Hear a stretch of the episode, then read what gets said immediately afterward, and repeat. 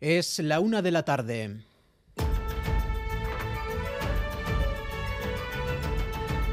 Crónica de Euskadi con Imanol Manterola. A Rachaldeón, un envío de cartas bomba en los últimos días ha puesto en alerta al Ministerio del Interior. El primero de los sobres fue enviado hace unos días al presidente del gobierno español, Pedro Sánchez. El último ha sido detectado hoy mismo en el Ministerio de Defensa y va dirigido a la ministra Margarita Robles. Son paquetes con material pirotécnico de baja intensidad, pero Interior, Nerea Sarriegui, ha tomado la decisión de reforzar la seguridad en los edificios públicos.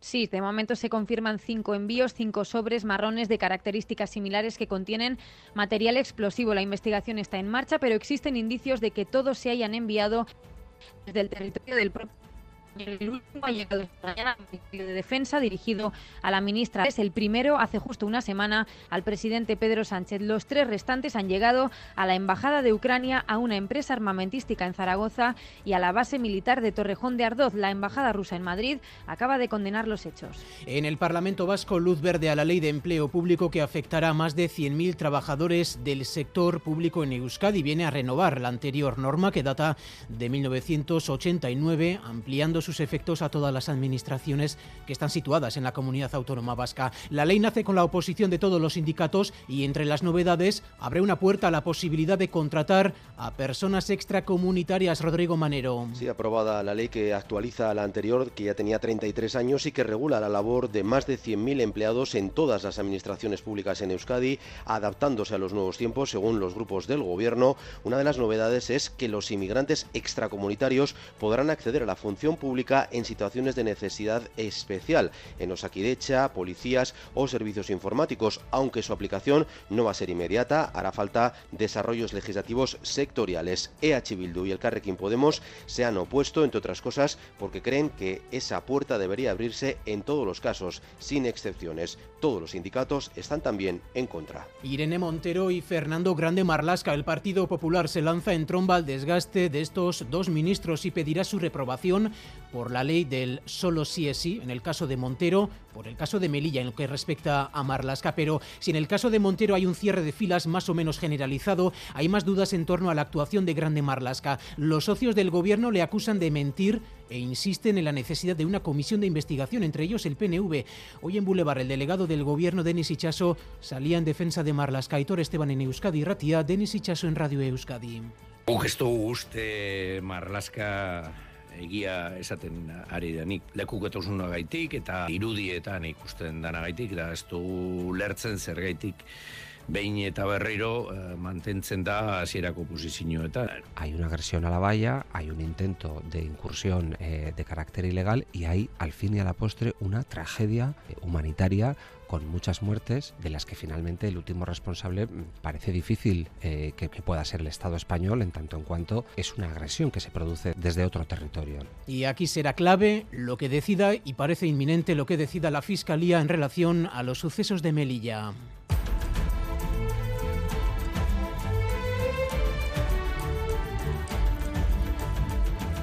Yo en el 88 ya tomaba cetáceas, es lo único que había en Europa, el famoso Retrovir. Para que te hagas una idea, nos daban 1.200 miligramos al día cuando la pauta, ahora que se sabe, es de 200 al día. Fueron aprendiendo con nosotros, viendo morir y viendo vivir, igual que con el COVID. Exactamente igual. En ese sentido, un virus nuevo, les debo la vida. ¿eh? O sea, Kidecha, fíjate, todavía me emociona se llama Udiarraga García Uribe. Se contagió de VIH apenas cinco años después de que se conociera el SIDA en 1981. Hoy es 1 de diciembre, se conmemoran 40 años de lucha contra el SIDA. En Boulevard de Radio Euskadi hemos podido escuchar este testimonio. Es el caso de una superviviente, pero en este tiempo el virus de inmunodeficiencia humana se ha llevado a 40 millones de personas.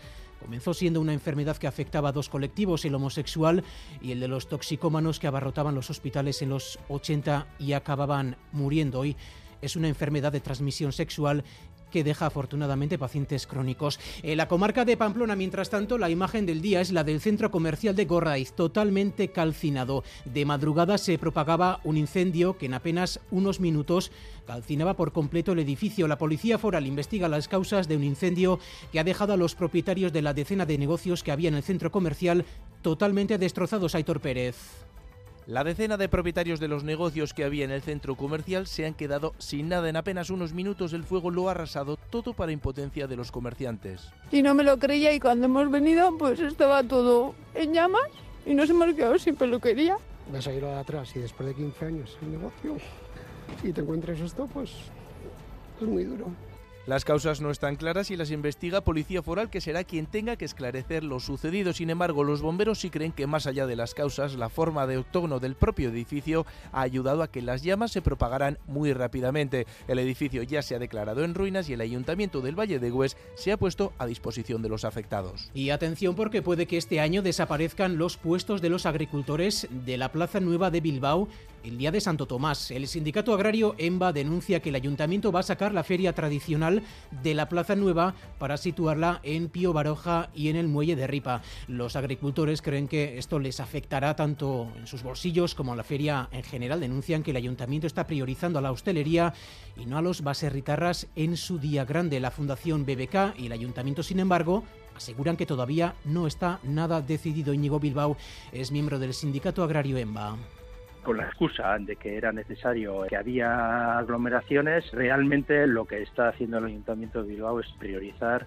al, ocio, en especial a la hostelería. El día Santo Tomás, que es un día de los baserritarras, saca a los baserritarras de su sitio tradicional y lo que, lo que hace es impulsa que haya en ese espacio terrazas para, en beneficiando de esta manera a lo que sería un sector económico concreto que nada tiene que ver con los productores. Y les contaremos en esta crónica de Euskadi la llamativa representación vasca en la lista de nominados a los premios Goya que se entregarán el 11 de febrero en Sevilla. Cinco lobitos de Alauda Ruiz de Azúa, opta prácticamente todo lo más importante, tiene 11 nominaciones. Irati de Paul Urquijo cuenta con cinco candidaturas, entre ellas el doblete de Laranza Zucalleja y Mursego, que optan a mejor música y mejor canción. Hay muchos más, tantas como 29 nominaciones con sabor vasco. Mencionamos, por ejemplo, las de Telmo Irureta, que aspira a mejor actor revelación por la consagración de la primavera. Y la película Suro es otra de las que están de enhorabuena con la nominación de Vicky Luengo a mejor actriz y del Donostierra Miquel Gurrea a mejor director novel. Escuchamos a este último. Bueno, parranda giroan atzo aurre estrena izan genuen Madrilen, ze bihar daukagu estrena bai. e, aretoetan. Madrilen harrapatu gaitu guztionek, eta orduan esan digute, ba, etorri bartzate e, zinemaren akademiara. Ba, lankideak, beste pelikuletako e, ba, protagonistak eta bar, ba, pixkat ja, rekorridoan ezagunak eta besarkadak, besarkadak. Vamos ahora con los titulares del deporte. Álvaro Fernández Cadierno, Arrachaldeón. Arrachaldeón con mucho baloncesto para hoy en la Euroliga, en el Buesa, Basconia, Milán, en la Liga Femenina y de Causco Trenensino, Lointe Guernica, Perfumerías Avenida y Girona Cuchabán Karaski. Además, Mundial de Qatar, España, Japón y Alemania, Costa Rica en el grupo E, Canadá, Marruecos, Croacia, Bélgica en el F. A medida que avance la tarde irá aumentando la nubosidad, puede dejar lloviznas dispersas primero en la costa y extenderse después hacia el sur. El viento del noroeste va a seguir enfriando el ambiente. A estas horas se registran eh, tan solo 6 grados en Gasteiz, 7 en Bayona, 8 en Iruña y 9 en Bilbao y en Donostia. Y nos van a permitir que hablemos un poquito de nosotros mismos en esta crónica de Euskadi porque hoy tenemos que darles las gracias una vez más por estar al otro lado. Hoy hemos conocido los resultados de la última oleada del año del EGM, el Estudio General de Medios. 146.000 oyentes conectan con Radio Euskadi cada día. Radio Vitoria cierra el año con 24.000 oyentes en total.